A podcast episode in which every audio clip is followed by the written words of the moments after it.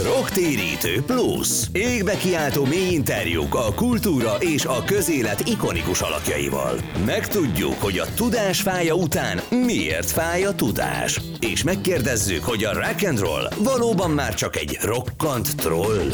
A szó nem száll el, és az írás is megmarad. Rocktérítő Plus. Pajor Tamás műsora a Spirit fm. Folytatjuk tehát a Rocktérítő Plus adását itt a Spirit FM rádióban és podcastként a közösségi felületeken.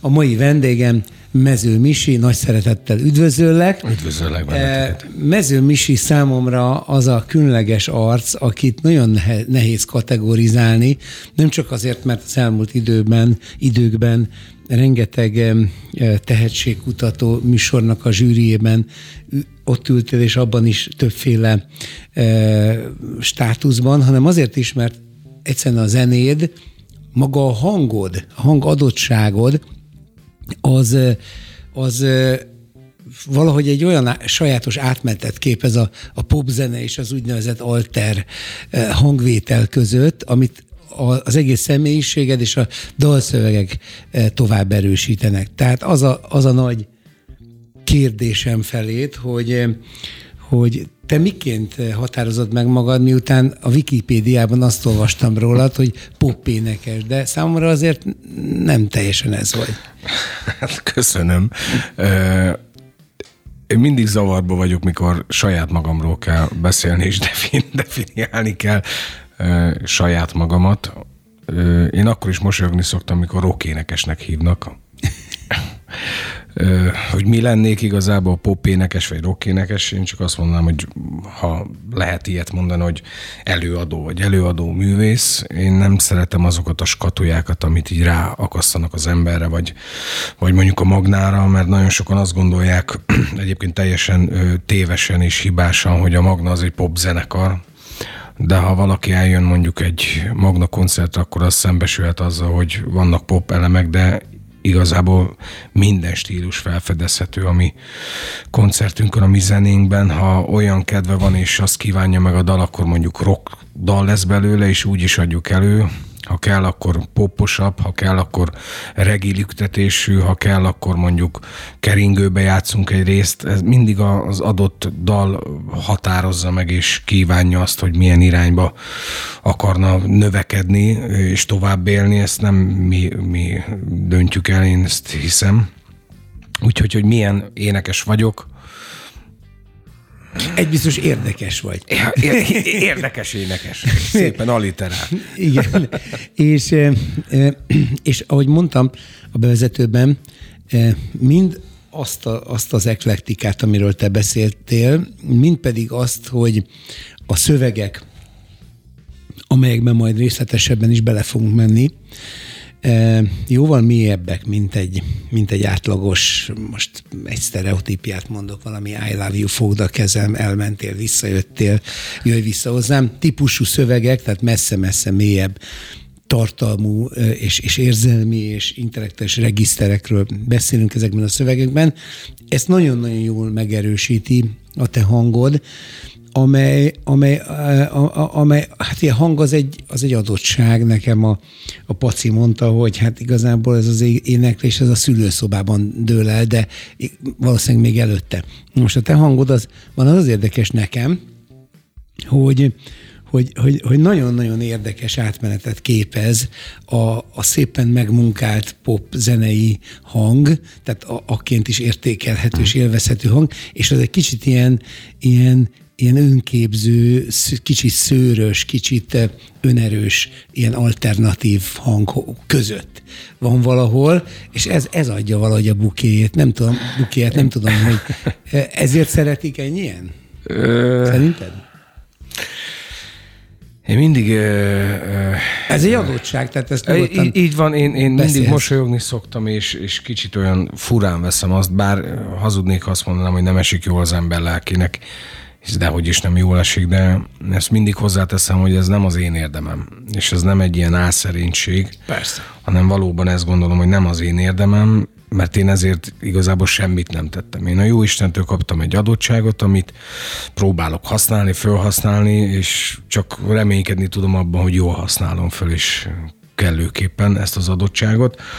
És visszatérve a kérdésed első felére, ahol boncolgattuk a szöveget, és a szöveg mélységét, és a szöveg, szövegeink komolyságát, talán az bizonyítja a legjobban, hogy valóban nem azon a mesdjén mozgunk, mint nagyon sok Magyarországon fellelhető előadó vagy zenekar, akik mondjuk a pop stílusba dolgoznak, ha megvizsgáljuk a szövegeinket, akkor, akkor ez, ez, ez valóban ö, kiderül, és talán ennek is köszönhető, hogy nagyon sokat szenvedtünk mi. Hát szenvedtünk, hát nagyon sok időbe került az, míg mi fölkerül, fölkerültünk itt a mi kis szakmai, zenei szakmai térképünkre Magyarországon. Hét évbe került. Uh-huh. De mi már az első pillanattól fontosnak tartottuk, hogy valami olyan minőséget csináljunk, nem is mások miatt, hanem a saját igényeink miatt, amit akár 20-25 év múlva is tudunk vállalni, vagy merünk vállalni, és olyan dalok legyenek olyan tartalommal, amivel tud azonosulni az ember. Ami nagyon fontos a mi esetünkben, egyébként Karamisa írja fantasztikus szövegeket, nagyon fontos, hogy ne egy fikcióba vezesse el az embert, hanem olyan dolgokat vessen papírra, amivel sok mindenki tud azonosulni. Tudod, olyan érzés, mint mikor ez velem is megtörtént már, vagy, vagy, vagy, vagy magamat is bele tudom helyezni ebbe a történetbe. Magaménak tudom ezt az egészet. Ez szerintem nagyon fontos. Hát az egész művészetnek valahol ez a lényege, mert, mert ez egy közösségteremtés, nem? Hogy, hogy valami olyasmit ragadunk meg, amit semmilyen más nyelven nem lehetne elmondani, de ezen az egy nyelven el lehet úgy mondani, hogy mindenki magára ismerjen, nem? Valahogy ez így lehet van, a így van. művészet definíciója is. Na és te valóban nagyon-nagyon széles skálán mozogsz, mert, mert hát most csak felsorok néhány illusztris nevet ebből a műfajból, és ez egy olyan széttartó e, ábrát mutat, ami, ami azért magyarázatra szorul, tehát léptél már fel Nagy Feróval, Neoton zenekarral, ismerős arcokkal, Lukács Lacival, a tankcsapnával, Révész Sanyival, Pataki Attilával, Nagy Ferót már mondtam, Lovasi András, Szűcs Krisztián, Hát azért ez, ez, ez, ez aztán tényleg, eh, mint a napsugarai úgy tartanak szét. Eh, te ezt hogy fogod össze magadban? Hát nézd, mikor az ember a hőseivel állhat színpadon, azokkal az emberekkel, akinek a zenéjén felnőtt, és énekelheti együtt az ő dalát, vagy esetleg a Magna bármelyik nótáját, az egy felemelő pillanat. Nagy álmunk volt 2014-ben, mikor az első nagy koncertüket megcsináltunk Békés Csabán a sportcsarnokban, ez egy karácsonyi koncert volt. Nagyot mertünk álmodni egyszerű amatőr vidéki zenekarként, hogyha már csinálunk egy ilyen nagy koncertet, akkor valami sztár vendéget is kellene hívni, és most egy énekest fogok kiemelni ebben a történetben, a többi fantasztikus művész mellett.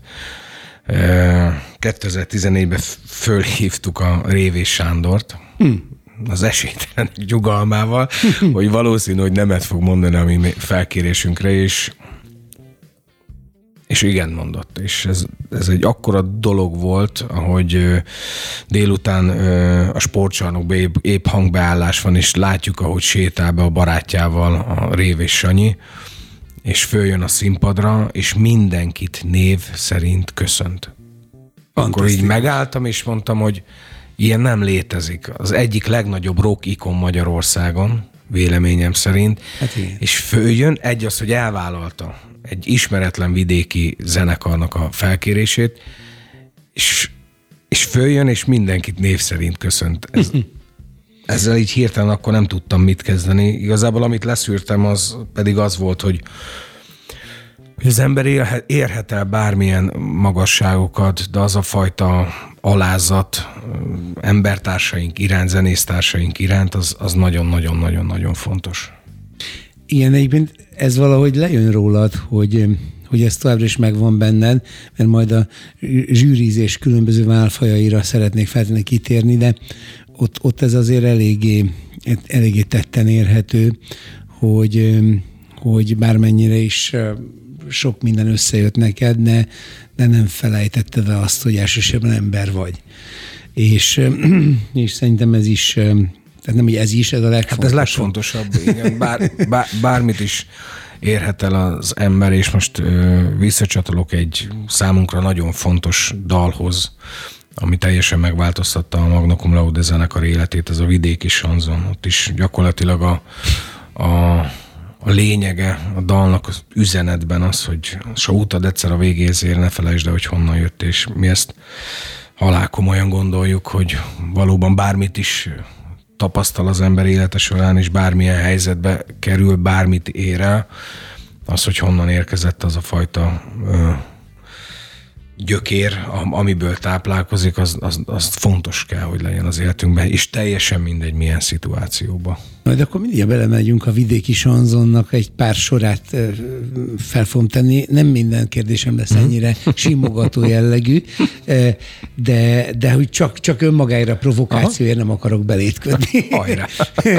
De, de majd, majd, majd felteszek egy-két kritikusabb kérdés is. De a lényeg az, hogy ugye egyébként ugye ti békés csabaiak vagytok, ez kiderült. Gyula, Gyula. Gyula, Gyula igen, igen, igen. Kiderült egy Először ott sikerült valamilyen nyilván olyan népszerűségre te, szert tenni, hogy talán egy, egy, egy sportcsarnokot kibéreltetek. Ö, kimerem azt jelenti, hogy nem, hisz az ember a saját hazájában nem lehet proféta. Akkor miért ott? Hát mert az, az, az, az még egy olyan terep volt, amit, amit könnyebben meg tudunk ugrani, akár hogyha izzi, izzítjuk a környezetünket, vagy barátokat, vagy családtagokat, akkor össze tud gyűlni annyi ember, ami már jól mutat egy-egy nagy koncerten. Azért Budapesttől még mi féltünk, hogy Budapesten Nem. kellett volna megrendezni egy ekkora sportcsarnokba egy, egy Magna Laude koncertet, az, az gyakorlatilag földbeállás lett volna. Ezért egyfajta magabiztosságot adott, hogy Békés megyébe, Békés Csabán rendezzük meg ezt a koncertet. Egyébként te uh, Gyuláról milyen hátrányokkal vagy előnyökkel indultál családilag, neveltetésben, anyagi körülményekben? Ez egy előnyös, Igazából közepes, doboz... átlagos vagy hátrányos helyzet volt? Hát nem, ne, igazából nem tudom megítélni, hátrányos vagy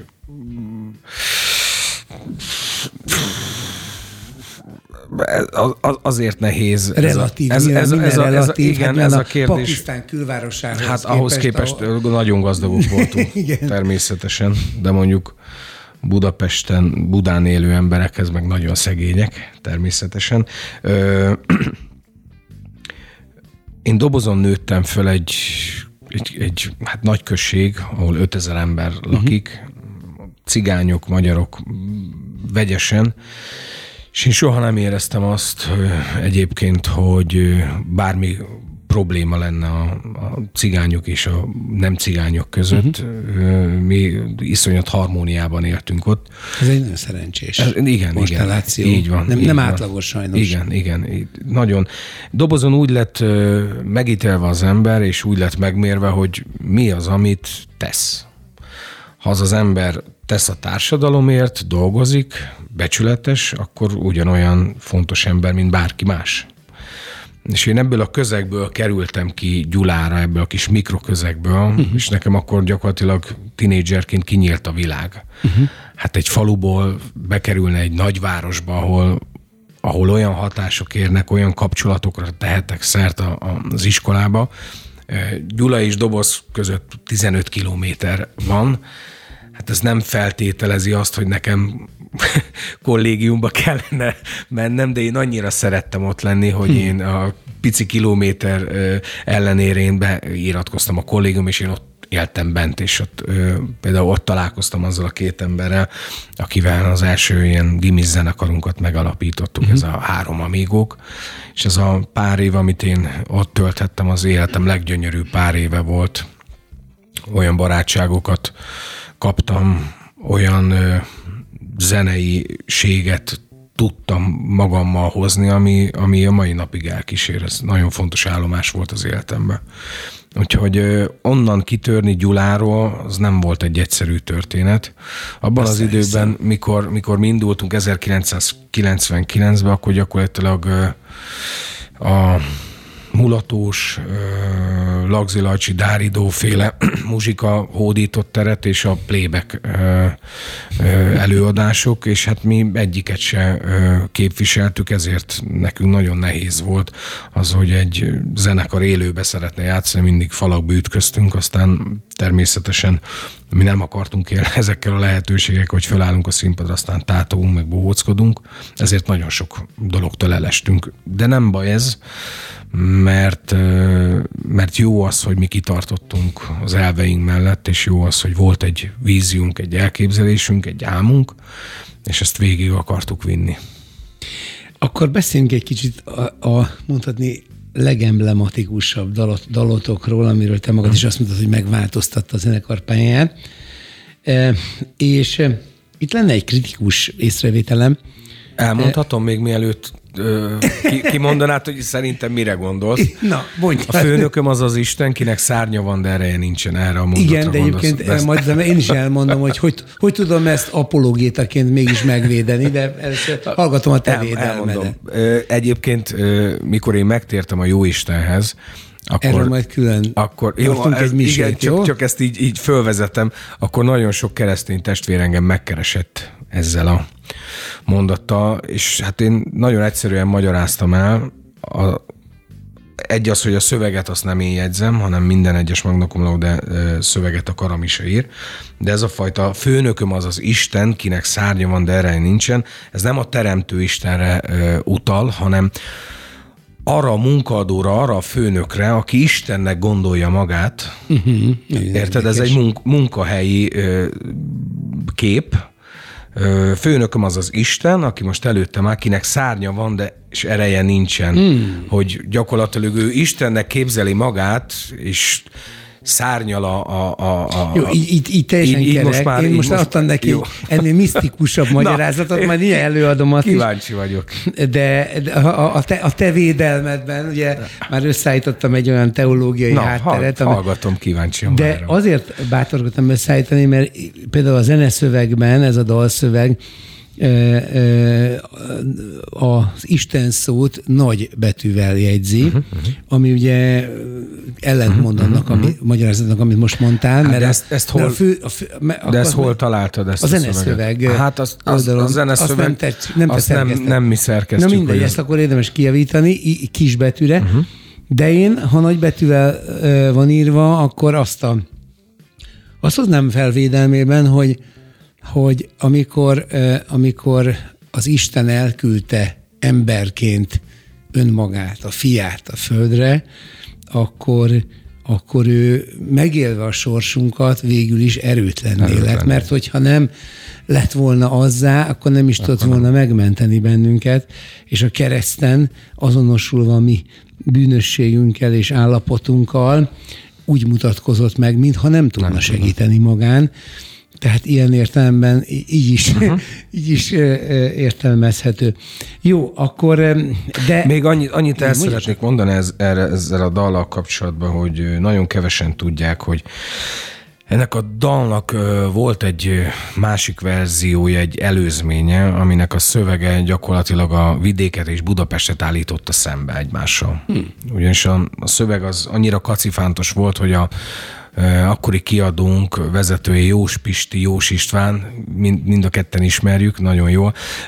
Tanácsolta, hogy ez nagyon jó ez a dal, viszont annyira bonyolult és értelmezhetetlen a szöveg, hogyha azt szeretnénk, hogy ebből valóban nagy ö, sláger legyen, az ő szavaival élve, élve népjóléti sláger legyen, ö, akkor, akkor ezen változtatni kell. Mi ezt az ötletet és tanácsot elfogadtuk, és azt gondolom, hogy jól tettük, hogy elfogadtuk, és nagyon sok ember számára tényleg egy ilyen kedvenc és, és, és, és mindennapi üzenettel bíró dal lett. Hozzáteszem, így se lett egyszerű a szöveget, hát nem tudom milyen volt eredeti. Hát például az volt, az, az volt hogy vagyon felel. ott, vagyon ott, mármint itt Budapesten, Igen. vajon itt, mármint vidéken mi van, búza meg tarló az ablakban. Na most ez sokkal bonyolultabb, uh-huh. meg űrbocskor, meg lézerblézer, ilyen szöveg is volt benne. Uh-huh. Na most azt... Egy-két ilyesmi most is marad Igen, benne. az 5 gigabyte, 5 igen, gigabyte igen, hasonlat. Igen, de az szellemes. De egyébként te ezt a, ezt a vidéki, városi, Budapest vidék ellentétpárt érzékelted a, a pályát során az életedben, vagy, vagy ezt egy művi, mesterséges, mesterkélt dolognak tartom. Nagyon fontos, hogy nem Budapest ellen szól minden, amit mi papírra vettünk, hanem a vidék mellett szól minden, mert annyira szeretjük. A mai napig a Szabó Tibi gitáros zeneszerző és a Karamisa a basszusgitáros szövegíró Gyulán élnek. Engem fölrúgdosott a sors Budapestre, két okból kifolyólag. Na akkor ez érdekel, hogy hogy tartjátok a kapcsolatot, meg még a Budapest vidék ellentét vagy nem ellentét párról gondolatod is, csak most meg kell, hogy szakítsuk okay. egy zenével és jövünk vissza utána. Rocktérítő Plus. Égbe kiáltó mély interjúk a kultúra és a közélet ikonikus alakjaival. Megtudjuk, hogy a tudás fája után miért fáj a tudás. És megkérdezzük, hogy a rock and roll valóban már csak egy rokkant troll. A szó nem száll el, és az írás is megmarad. Rocktérítő Plus. Pajor Tamás műsora a Spirit fm -en. Folytatjuk a Rocktérítő Plus adását a Spirit fm és e, podcastként e, e, a közösségi oldalakon. A vendégem ma továbbra is Mező Misi, és ott tartottunk, hogy van-e vidék Budapest ellentétpár, illetve ott, hogy a kollégáid a mai napig Gyulán élnek, tehát eh, ha nincs is ilyen ellentét a vidék és a város között, akkor is a távolságot valahogy át kell hidalni. Szóval erről a kettőről mondjál pár gondolatot. Nézd, a vidéki ember eh, fejébe azért van egy, van egy ilyen vízió, hogy hú, Budapest tele embertelenséggel, meg nem tudom én mi, meg itt teljesen máshogy gondolkoznak az emberek, máshogy élnek, másmilyen értékrend szerint, amiben némi igazság azt gondolom, hogy van, de, de ezt nem lehet így leosztani Budapest és vidékre. Vidéken is vannak ilyen emberek, Budapesten is élnek ilyen emberek. Talán az, hogy itt, itt, itt nagy számban fordul elő ember, ezért sokkal inkább kitűnnek ezek a, ezek a problémák vagy hiányosságok. Mi annyira szeretjük a, a vidéki életet, én például a 16. kerületben élek egy kertvárosi ilyen lakóparkban, még egy ideig, aztán remélhetőleg jó Isten kegyelméből ki tudunk már költözni a saját házunkba Szentendrére. Valahogy én sosem voltam az az ember, aki így szereti belevetni magát az éjszakába, meg így a nyüzsgésbe. Én mindig egy ilyen visszafogott, visszahúzódó ember voltam, aki inkább a csendre, nyugalomra, magányra vágyik, mint sem a, a zajra és a is, iszonyat nyüzsgés. Ez egy, én ilyen embertípus vagyok, ezért nekem Budapest soha nem adott például annyit, mint mondjuk egy Szentendre, vagy egy, vagy mondjuk a Gyula. Gyula az Én egy... a Szentendre és a Gyula között van némi Igen, igen, igen, igen. Én mind a két város nagyon-nagyon-nagyon szeretem. Gyula az szerintem Békés megye ékszerdoboza, igen. az valami csoda. De hát a, a, a az én életem más irányt vett. Két okból költöztem föl Budapestre, egyik az a zenekar. Hát ki más képviselhetné a fővárosunkban a zenekart, mint a frontember. Ezért is a másik pedig a feleségem, akkor ismerkedtem meg a feleségemmel, és ő itt élt fent Budapesten, egyébként Székesfehérváron élt, itt ismerkedtem meg vele Budapesten, és itt élt albéletbe, és így jöttünk össze, rajongóból lett feleség. Hmm. Hát az nem akármi. És a rajongóból lett feleség, hogy kezeli azokat a kihívásokat, ha netán új rajongónak mondjuk legitim próbálkozásai vannak a frontember felé? Hát ő megmosolyogja ezt. Igen. Azért három közös gyermekünk van, mind a kettőnknek a mindent jelenti ez a három gyönyörű gyermek. Szóval esélytelenek a, a próbálkozók, ezt üzened neki. Hát persze. Nagyszerű. Nagyszerű. És, és azért örülök annak, hogy ezt szóval te meggyőződéssel és hitelesen mondod, mert hát egyébként ez nem egy átlagos gyakorlat sajnálatos módon, és ami szakmánk, ugye ez az előadó művészeti platform, ez nem, nem erről híres, Persze. de de hát szerintem meg pont ez a vagányság, és pont ez a, az árral szemben úszás és lázadás, hogy az ember nem... Nem, nem tette azt, amit szeretne. Vagy nem úgy szeretne, ami mondjuk felkínálkozik neki, azzal ő nem él. Mert van, van egyfajta értékrendje, van egyfajta változás az életében. Erről fogunk beszélni. Mielőtt erre rátérnénk, hadd kérdezzem meg, hogy ugye te az elmúlt néhány évben erre már utaltam, több zsűribe is beültél, több tehetségkutató, ugye a Rising Star, a Voice, most legutóbbi e, már több év van a dalban. E, ezek más és más műsorformátumok, ugye nem véletlen a Rising Star is, meg a Voice is nem élt meg Magyarországon Sajnos. sok e, fázist. A Voice Amerikában nagyon sikeres, érdekes módon Magyarországon Igen. kevésbé volt. A dalban viszont már évek óta ott ülsz.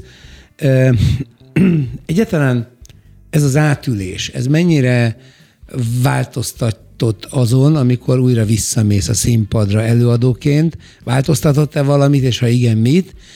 És hogyha újra visszaülsz a zsűribe, és, és a kollégákat, vagy az eljövendő kollégákat nézed, ennek a megítélésén változtatott-e, hogy a kettő között ingázol? Hú, ez, ez, teljesen más a kettő, mikor az ember a színpadra áll, és kifejezi azt, amit benne van zene segítségével, akkor, akkor, akkor valahogy más, más energiák mozognak, mikor én akarom megmutatni az embereknek, hogy mi van az én lelkemben, és más az, mikor én hallgatok valakit, aki meg szeretné nekem mutatni, hogy mi van benne. Én nagyon szeretem látni azt, hogy rengeteg tehetség van Magyarországon, rengeteg. És nekünk célunk is egyébként a dallal az, hogy, az, hogy megmutassuk ezeket a tehetségeket, és esélyt adjunk. Én nagyon-nagyon örültem, mikor először fölkértek engem a dal zsűrizésére, és ilyen ambivalens érzésem volt, hogy hogy jövök én ahhoz, hogy mondjuk zenész kollégák dalait, érzéseit nem, nem kritika, alá kritika minősítsem, vagy, vagy, vagy véleményezzem.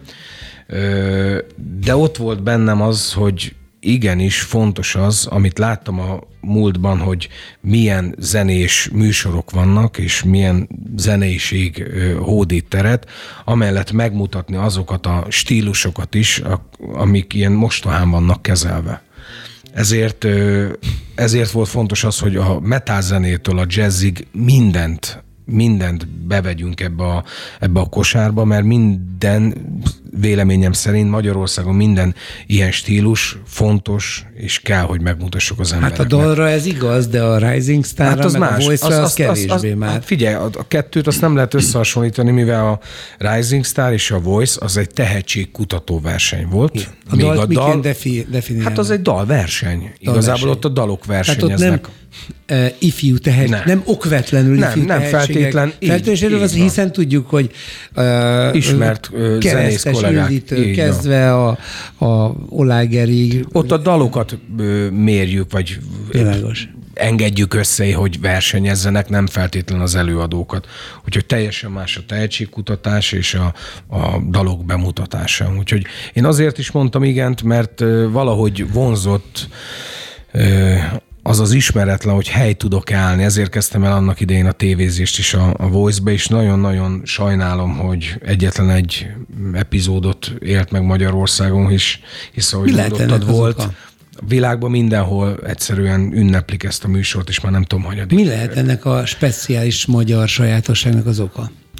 Ö, nem, nem tudom, nem tudom, hogy ha szerkesztők akarták máshogy csinálni, vagy olyan elemeket vontak be, amik, amikkel nem tudtak azonosulni a, a nézők, vagy egész egyszerűen nem volt annyira ö, érdekes a, a, a zsűri, mi a versenyzők, nem, nem tudom a miértjét, azóta is keresem, de ugyanez volt a Rising Star, az se volt ö, ö, sikeres, és például megnézed az X-faktort, az, vagy mondjuk a, a Megasztárt, az, az nem is tudom hány adást élt meg, az valamiért sikeres volt. Fogalmam sincs miért. Igen, bonyolult dolgok ezek. Na, viszont ami, amelyen irányba az előbb már magától is fordult a beszélgetésünk, ugye te megtértél, és ezt eléggé publikusan vállalod is, sőt a, a baptista teológiai főiskolát is elvégezted. Mit és hogyan teszel másként azóta a pályádon, meg az életedben ennek fényében? Igazából én, amikor megtértem, akkor nekem fontos volt az, hogy egy az, hogy tudtára hozzam a, nem csak a zenekarnak, hanem a rajongóimnak is, rajongóinknak is, a környezetemnek, hogy milyen változás következett be az életembe. A másik pedig az volt nagyon fontos, hogy én minél többet megtudjak erről. Uh-huh. Én nem az a, nem tudom, hogy sajnos, vagy hála Istennek, szerintem egyik se helytálló, nem az a keresztény vagyok, aki beleszületett ebbe, hanem így bűnös emberként, világemberként megtértem ebbe a közösségbe, Isten közösségébe, és ez nekem nagyon fontos volt, és fontos volt az is, hogy minél többet megtudjak az evangéliumról, a Bibliáról, Istenről, ami nem jelentem, nem merem azt kijelenteni, hogy sikerült is, ezért is iratkoztam be a Baptista Teológiai hát valamennyivel többet biztos, Igen. mint ami volt, de így, hogy így mindent, van. az még senkinek nem sikerült. Így van, így van, hogy mi a jó Isten terve szándéka velem, azt nem tudom, sokan föltették már ezt a kérdést most, hogy akkor elvégezted a teológiát, akkor te lelki pásztor leszel, és mondtam, hogy én nem érzem magamba, hogy kaptam-e olyan talentumot a jó Istentől, hogy akár én lehetnék egy közösség vezetője is, lelki vezetője, de, de ezt száz százalék maximum, maximálisan jó Istenre bíztam, mint egyébként minden mást az életemben, meg az életünkben. Úgyhogy vonzott ez a fajta ismeretlen ez, ezt is egyfajta kihívásnak fogtam fel, hogy 30 akárhány évesen én képes leszek még visszaülni az egyetemi padba, és tanulni ö, Istenről, tanulni a Bibliáról, az evangéliumról. Egyetlen hogy lehet Istenről tanulni? Hát ez, ez jó kérdés. Tapasztalni szerintem inkább lehet, mint tanulni bár hogyha az ember mondjuk a Bibliát forgatja, akkor, akkor ott azért ö, ö, ö, szerintem információkhoz lehet jutni, megismerni jobban ö, Isten, de, de nekünk hívő embereknek inkább a vele való közösség, vele való tapasztalás az sokkal fontosabb. A kérdésem arra is vonatkozott, hogy mit és hogyan teszel másként azóta. Azért is kérdezem ezt, mert ebben a szakmában nem példanélküli, hála Istennek, az, hogy a hittel, ezen belül az evangéliumi hittel neves előadók és kiváló előadók találkoznak. Gondoljunk csak arra, hogy Bob Dylannek is volt egy ilyen korszaka, de hát arra is gondolhatunk, hogy nagyon sokan eleve ilyen közegből jöttek, ugye Whitney Houstonról közismert, de Elvis Presleyről is. Johnny Cash. Johnny Cash, ugye ő többször Igen kicsit így kilengett, visszatér, de hát Little Richard is végül sikerült visszatérni az élete végén az Istenhez, és hát hosszan-hosszan lehetne sorolni a sort, a folytatni a sort, például ugye Justin Bieber, Bieber most így van. frissebb ö, ö, megtérő, aki úgy tűnik, hogy eléggé komolyan veszi, de vannak ebben ugye negatív példák is, például Katy Perry, aki hátat fordított a hitnek, a, a világ sztárságért, és úgy tűnik, hogy például Justin Bieber nem érzi azt, hogy, hogy, hogy neki mm, valamilyen meghasonlás útjára kellene lépni, vagy a helyzet ezt kikényszerítené. Na, kikényszeríti ezt a rock and roll társág, vagy ez a, nyilván Amerikát nem lehet párhuzamba teljesen állítani Magyarországgal, de akkor is az, mégis van analógia. Kikényszerít egy ilyen helyzetet, vagy pedig nem, ezt ki lehet kerülni? Ö- nagyon erős kijelentés lesz, amit most mondok. Én azt gondolom, hogy a művész szakmában, és most teljesen mindegy, hogy Magyarországról, vagy Amerikáról, vagy bármelyik országot említhetném, kétfajta művész van, aki már vagy megtért Istenhez, vagy meg fog térni Istenhez. Én ebben egészen, Legyen igaz, az én ebben egészen biztos vagyok egyébként. Ö, meg is mondom, hogy miért. Na. Ez az én teóriám, én ezt hiszem, vallom. Mi művész emberek, én azt gondolom, hogy sokkal érzékenyebb vagyunk mindenre. És az ember életében eljönnek olyan mélységek, egy olyan, olyan, ö, olyan történések, olyan pontok, olyan tragédiák, amik ö, rá kell, hogy világítsák az embert, hogy, hogy ezeket a problémákat ő saját maga nem fogja tudni megoldani. Két eset van, vagy Isten segítségét kéred, és Istennel élsz egy közösségben, vagy a másik a halál. És én azt gondolom, hogy nagyon sokan választják ezt az utat, hogy Istent választják. Hisz rengeteg kérdésük van, amire nem tudják a választ, csak Isten tudja megadni ezt, és csak ő tud segíteni ebben a mélységben.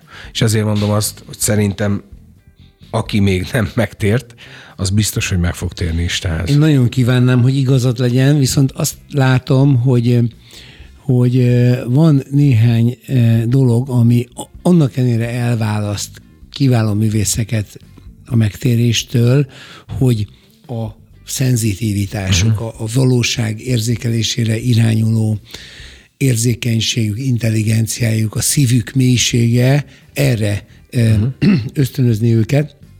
De van valami, például a kevésség, az ego, uh-huh. ami egy nagyon nagy akadály, nem csak a művészeknél persze, hanem minden embernél, de mivel a művész általában ugye intenzívebben éli meg az egész létet, ezért gyakran az ego, ego is be tudja zárni, és egy olyan magaslatot, egy olyan falat húz fel, amely elválasztja az embereket attól, hiszen a megtérés azért egy megalázkodás, egy, egy annak elismerése, hogy én önmagamban nem vagyok nem elégséges vagyok elég. a létezésem megoldására.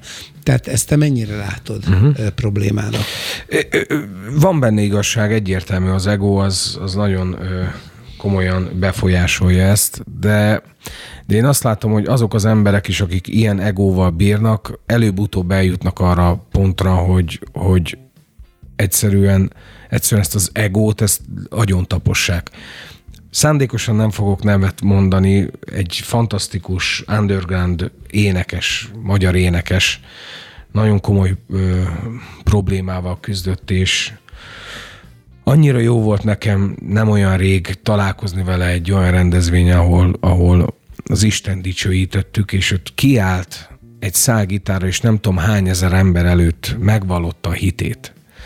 De én akkor mondtam azt, hogy kétfajta ember van, aki vagy megtért már zenész Istenhez, vagy meg fog térni Istenhez, és, és, és jó volt. valakire, majd utána megbeszéljük, de... Nem és jó volt ezt látni. Nagyon-nagyon örülök neki. Ugye ennek a műsornak azért is az a címe, hogy rocktérítő, mert én magam is ezt mindig is felvállaltam, Igen hiszen nem gondolom, hogy pont ebben bármit szégyelni vagy titkolni kéne, pont ezt nem szabad. így van. De, de természetesen ez nem jelenti azt, ugye, akik ezzel kapcsolatban hát ilyen sokszor érthetetlen görcsöket és, és neurózis alapú véleményeket fogalmaznak meg, azok általában abból indulnak ki, hogy aki megvallja a hitét, az feltétlenül rá is akarja kényszeríteni, holott erről szó nincs. Hát, a hitvallás az egy, az, egy, az, egy, az, a, az a véleményszabadság kategóriába tartozó állítás, és mindenki kezdjen vele, amit ő akar. Aztán, hogyha számára ez veszélyes, annyira fél tőle, nehogy ő rá is hasson, hát arról nem én tehetek. Hát nézd, mikor én, mikor én elmondtam a zenekarnak, hogy milyen változás lett az életemben, akkor, akkor a zenekar részéről volt egy nagyon komoly félsz. Ők azt gondolták, hogy minden egyes Magna Laude koncert az arról fog szólni, hogy én két nóta közben Jézushoz hívok mindenkit. Hát természetesen nem az. Én azt, mond, azt gondolom, hogy mindennek megvan a helye és az ideje. Én fontosnak tartottam, és közöltem is, hogy milyen változás jött az életembe. De ez nem arról szól, hogy most én minden egyes koncerten megtérésre hívom az embereket van egy olyan rész, van egy olyan része az Igen. én életemnek, a zenei pályámban, ahol dicsőítő dalokat játszunk, ott viszont én ezt fontosnak tartom, hogy igenis mondjuk el, hogy hogy miről is szól ez a történet. Egyébként hogy fogadták a zenekari, zenekartagok ezt? Hát a... úgy fogadták, hogy mosolyogtak, hogy hm, fellángolás volt már ilyen, hogy mit tudom én, mi miatt föllángolt, aztán egy-két év múlva meg így feledésbe merült. amikor látták, hogy hát nem. Hát lá, az ember a cselekedetei által lesz megítélve, én hiszem azt. És milyen változást és... okozott bennük ez? Hát bennük én, én azt gondolom, hogy elfogadóbbak lettek, vagy empatikusabbak lettek, hm. vagy, vagy jobban odafigyelnek a, a környezetükre. Én, én ezt látom, ezt tapasztalom, és, és jó egy ilyen irány mutatni, meg az ember azon dolgozik, azért imádkozik, hogy ők is valahogy szembesüljenek ezzel, vagy ők is merjék megtenni ezt a lépést, amit Hogy lehet ezen dolgozni? Hát ima. ima. És példa. És példa. És egyébként a beszélgetésekben ez milyen gyakran és milyen mélységben kerül szóba? Tehát nincs olyan, hogy mondjuk valamelyik zenekartag megzuhan az élet valamely területén, és akkor mivel tudja, hogy te egy hitvalló és hívő ember vagy, hozzád fordul segítségért, hogy adjál tanácsot? Hát azért, amit előbb emlegettünk, az a bizonyos ego, azért minden emberben munkálkodik, és azt gondolja, hogy én meg tudom oldani ezeket a problémákat, és nem, nem kell segítséget ö, kérnem. Ö, én is így voltam ezzel, hogy azt gondoltam, hogy saját magam problémáit én tökéletesen meg tudom oldani, és ez nem szükséges sem a családtagjaim, sem a barátaim. Aztán én talán ebből a szempontból idézőjelben rakom, szerencsése vagyok, hogy én egyből Istenhez fordultam, de én nagyon szívesen ö, várom ezeket a, ne legyen rá szükség, várom ezeket a segítségkéréseket a környezetembe, hogyha valaki de talántán olyan dolgokat él meg, amiket én is megéltem, és nem tud előrelépni, és valami kiútat keres, vagy segítséget, akkor én, én nagyon szívesen ö, ott vagyok, társ vagyok, akár ha két mondatot kell mondanom, akkor azt a két mondatot remélhetőleg abban az időben tudom elmondani, amikor ő a legfogékonyabb erre, és én hiszem azt, hogy egy-egy ilyen beszélgetés is hozzásegítheti az embert ahhoz, hogy közelebb kerüljön Istenhez.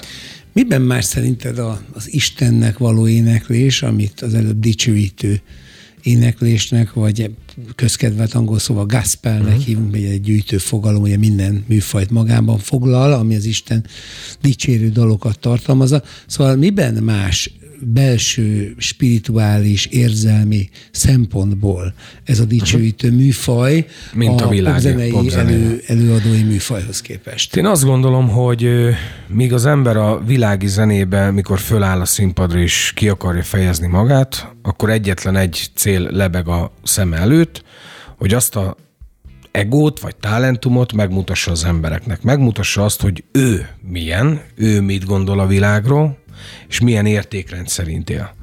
A dicsőítő dal az meg egész egyszerűen, mint egy ilyen csatorna, hogy mi vagyunk az a csatorna, aki, aki, aki, aki Istent és a hallgatót össze tudja kötni, vagy egymáshoz közelebb vezetni.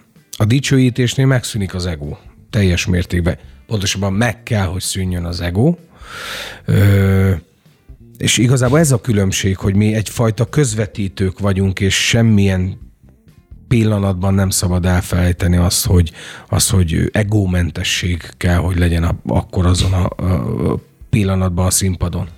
És hogyha az ember mind a két műfajban versenyez, akkor hogy tudja ezt akkor összhangba hozni? Hogy hogy tudja. Az átmenet hogy tud nincs, át, nincs átmenet, hanem az van, hogy amit a dicsőítésnél megélsz, az a fajta alázatos, egómentes légkör, azt fogod Egyre jobban átvinni világ, így is. van, így van, így van. Így hát van. ez egy nagyon szép, szép minta, különösen eh, annak fényében, hogy azért eh, eh az előadó művészet tényleg nagy, nagy, nagy részben szól az egóról, de azért én különbséget tennék, eh, és eh, majd mondd el erről is a véleményedet, mert azt mondod, hogy az ego és a talentum. A kettő azért nem ugyanaz, mert a talentum az ugye adottság, ez is egy bibliai szó egyébként, a talentumokról szóló példázatból ered, de a lényeg, hogy ma úgy tehetségként értem. Most a tehetség az nem feltétlenül azonos az egóval. Nem, hogy a tehetséget akarja megmutatni, amit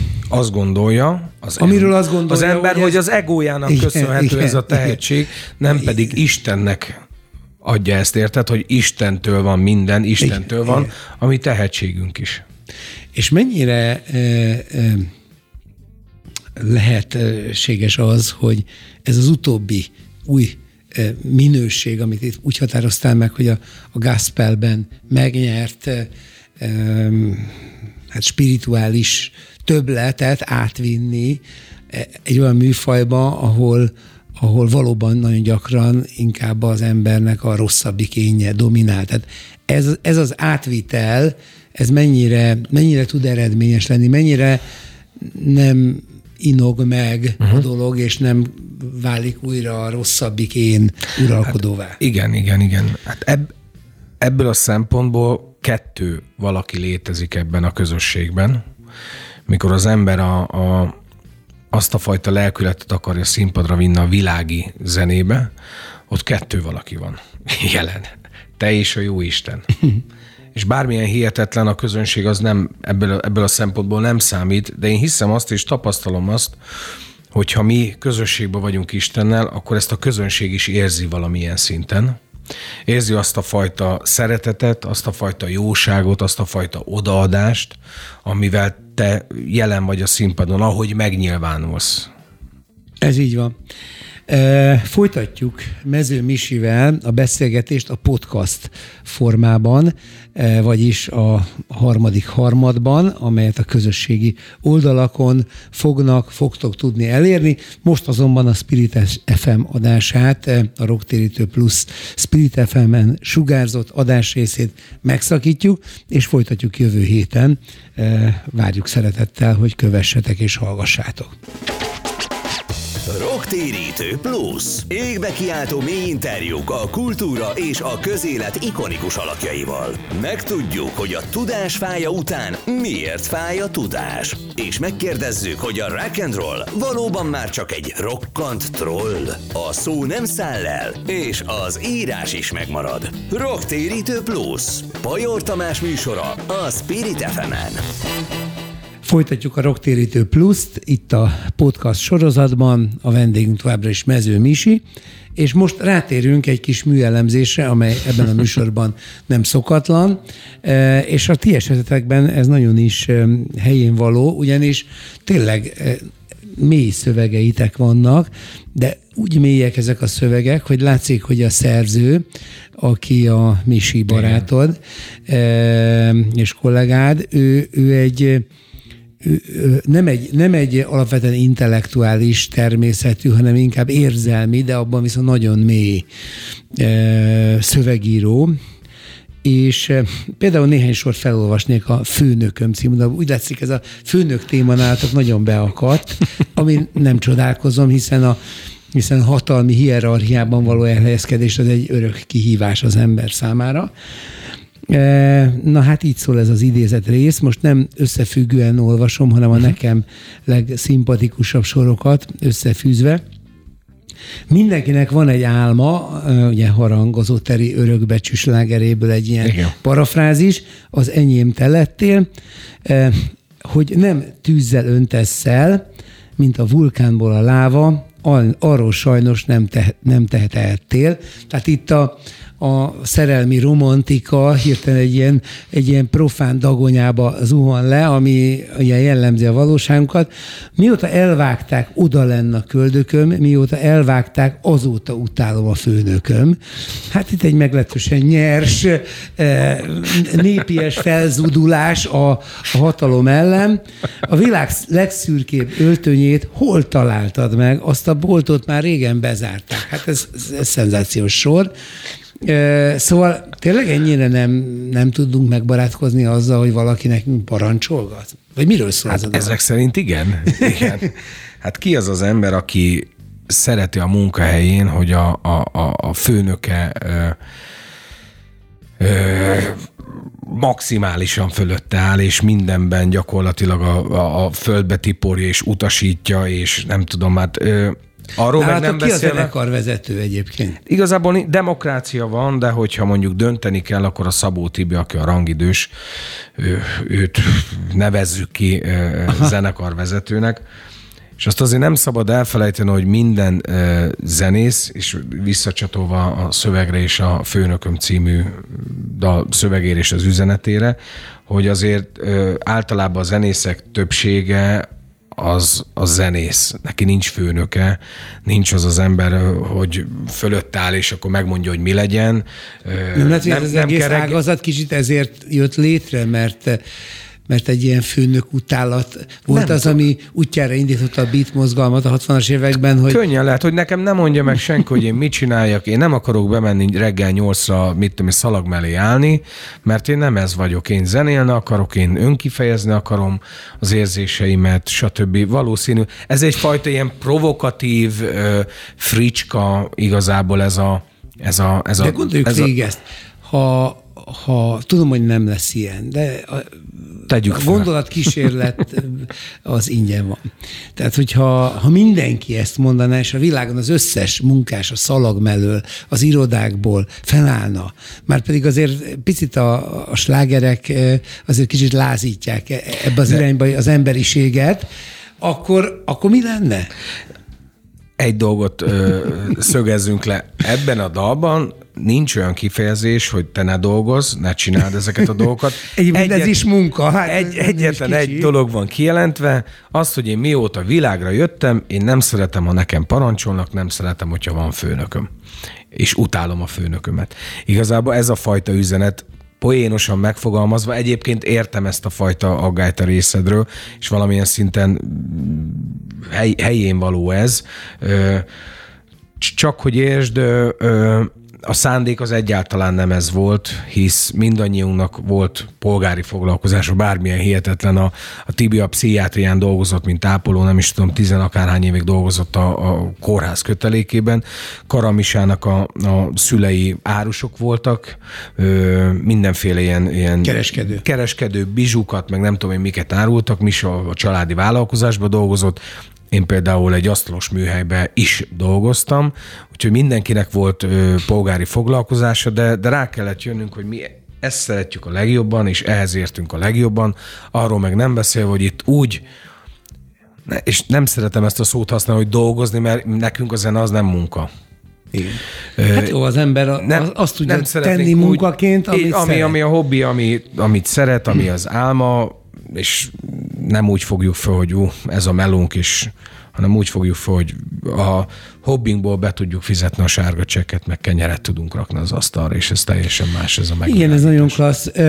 Meg hát természetesen most ez a műelemzés nem arról szól, hogy itt hogy itt most végletekig... De egyébként tudod, mire lennék kíváncsi, Tomi? Arra lennék kíváncsi, hogy ez most nem tudom, hogy titkot árulok el, vagy sem. Én nagyon nagy tisztelője vagyok a te, te munkásságodnak, a te szövegeid az ikonikusak, és az egyik mester vagy szerintem Magyarországon rímfaragásból, hogy kíváncsi lennék, hogy ezt a szöveget te, vagy ezt, a, ezt az üzenetet te hogy tudnád kifejteni. Hát én például, én például egy olyan dalba fejtettem ki, aminek az a címe, hogy Elnök úr. Elnök úr. Elnök úr, itt vagyok. Ú, mindig bajba vagyok, amikor a saját szövegeimet kell idézni, de majd, majd, majd megpróbálom bepótolni, majd elküldöm neked. Aha. Mindenesetre arról szól, hogy, hogy most tartalmilag mondom el, mert Aha. képtelen vagyok fejből idézni, de hogy egy olyan életet, helyzetet ír le, hogy öt percen még az ellenőr nézte a metrón a jegyem, most pedig már itt futok fölfelé a, a nagy ember piros szőnyeges Aha. lépcsőjén, a titkárnő kávéval kínál, és neki ez a pillanat csak egy a sok Egy a sok. közül. Nekem a nagy lehetőség, és a párnázott ajtón bekopogok, és köszörülve a torkomat alázatosan belépek a nagy ember szobájába. Tehát én is igyekszem feldolgozni a hierarchiának ezt a sokszor diszonáns sajátosságát. Na most ö, én azt gondolom, hogy, hogy ez, ez, egy, ez egy nagy és mély kérdés az életben, és nem, mi- mint ahogy sok minden más sem tudunk nagyon sokszor harmonikusan megélni, pedig tulajdonképpen az igazi és jó tekintély nem a sportban erre gyakrabban van, például ott sem mindig, nem szabad, hogy arról szóljon, hogy a hierarchiák bemerevednek, hanem arról kellene, hogy szóljon, és ez, erre azért van példa, hogy, hogy valaki azért foglal el egy státuszt, mert tehetsége van hozzá, és többletet, több hozzáadott nagyobb értéket tud Hát adni igen, csak- az úgymond beosztottak számára. Csak nagyobb és a- részben ez nem, nem, nem ez a jellemző. Hát hogy- igen, a probléma mindig abból fakad, hogyha, a- hogyha kiüresedett formává válik a tartalom, és, és, és csak névlegesen hordozza már a- az emblémát, ugye ez ebből származik, és ezért nagy, nagyszerű, nagyszerű ez a szöveg, de menjünk tovább, mert még szeretnék másból is idézni. A, például a leghosszabb perc, egy nagyon-nagyon klassz kis szöveg, Leszállt eléd a gépem, de most hiába jönnél velem, mert egy olyan útra léptem, ahol már röpképtelen vagyok én, kulcsom már a kezedben, ne kérdezd, hogy miért adtam át, csak repítsen messze, messze. Most, most már a tiéd. Ha rám tör az álom, ülj ide lányom, ne sírs, ha fogytán a levegőm, a jó élet rövid, most a leghosszabb perc jön, rád kell, hogy hagynom a repülőm. Te hogy dolgozott fel, ö, ö, ezt most én kezdem, csak egybeírtam. De azt kérdeztem, hogy azt kérdezném, hogy te hogy dolgozott fel a mulandóságot? Mert ez, ezért azt gondolom, hogy arról szól, hogy egyszer csak menni kell. Igen. Én mikor fiatalabb zenész voltam, akkor az volt a fejemben, hogy talán annál szebb nincs, mikor egy zenész a színpadon hal meg. Hm. Hisz halljuk azt, hogy a zenész az úgy kell zenélni, mint hogy utolsó koncerted lenne, és akkor ott haj meg a színpadon, és rájöttem, hogy mekkora butaság ez, Istenem, hogy az ember nem a szerettei körébe szeretne eltávozni. Én igen.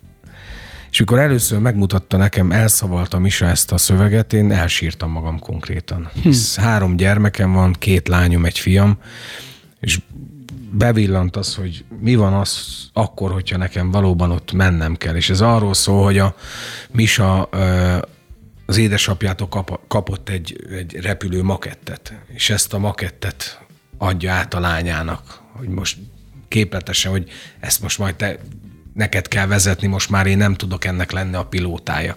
Ezért neked adom. Te vidd tovább ezt a gépet, te vezess tovább ezt a gépet, és hát az a bizonyos utolsó perc, ami a leg, leghosszabb az itt maradottak számára. Úgyhogy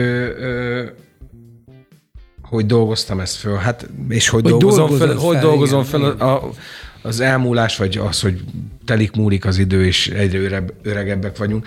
Ez azt gondolom, hogy akinek Istenbe vetett hite van, az sokkal könnyebben dolgoz fel egy-egy tragédiát is. Nekem 2011-ben meghalt édesanyám, és én voltam az, aki szinte a családba tartotta az erőt. Mert tudtam, hogy ő az Istenéhez megtért, és tudtam azt, hogy neki ő beteg volt vesebeteg, és tudtam, hogy az, az a fajta szenvedés, amit megélt, azután neki az úrhoz költözni, az egy felemelő pillanat. És ilyenkor gyalló az ember, és, és furcsán működünk, mert mert nem azt nézzük, hogy annak az embernek, aki eltávozott közülünk milyen lehet, hanem az, hogy nekünk milyen rossz az ő hiánya és önzők vagyunk. Ez hogy, nem, hogy nem szeretnénk mi ezt megélni, ezt a, ezt a fajta hiányt, ezt a, ezt a gyászt. De hogyha Istenbe vetett hited van, akkor te tudod, hogy ez, ez, ennek hogy kell történnie, és hogy kell egy-egy ilyen tragédiát feldolgozni, és tudod azt is, hogyha mennünk kell, akkor mi tudjuk, hogy hova, hova tartunk, és ez a lényeg. Egyébként, majd most mindjárt elmondok egy másik idézetet az egyik az egyik dalomból, uh-huh. ami, ami viszont közben eszembe jutott, és ami ehhez kapcsolódik. De, de miért ezt megtenném, az jutott eszembe, hogy, hogy kicsit a, a hívőlet az olyan, én úgy élem meg, hogy amikor, a, amikor az ember megismeri az örök életet a messiásban, Jézusban, akkor elindul egy másik számláló is, és hiába fogy le az egyik, mm, az... tudja, az, tudja, hogy a másik Aha, számláló az, nem is, ez, ez, ez tud vigasztalást adni. Tehát ez most egy, egy frissen uh-huh. így elevenedett képpel tudnám így illusztrálni, és a, az idézet pedig így szól, és talán ez lehetne a végszó, ha csak nem akarsz te még egy poszt végszót hozzátenni, hogy hogy ez a földhotel, hát mond a szállóigét puha bőrfotelvár és egy álomvidék. De ha menni kell, jön a londiner és indulás, az utad innen merre visz tovább. Ez a földhotel, hát mond a szállóigét, ide küldtek el, látod ma már, hogy miért. Mit hagy itt az ember? Csak éjszakát vagy csillagát, sosem múló fényt vagy egy villanást. Fantasztikus. Hát Milyen szép. Na, de tényleg ez a nagy kérdés, hogy mit hagyunk itt. Hát nagyon köszönöm, hogy eljöttél, Hát mert én én biztos vagyok benne, hogy te már most eh, hozzájárultál ahhoz, hogy amit itt hagysz, az egy, az, egy, eh, az, az nem egy mulló villanás lesz, hanem egy, hanem egy csillogó eh, eh, égitest, és kívánom, hogy ennek a fénye még másokat is lángra lobbantson. Köszönöm szépen, hogy eljöttél. köszönöm a lehetőséget. Mező Misi volt a Rocktérítő Plus vendége, és folytatjuk a rádióműsort és a podcast sorozatot. Köszönjük, hogy velünk tartottatok.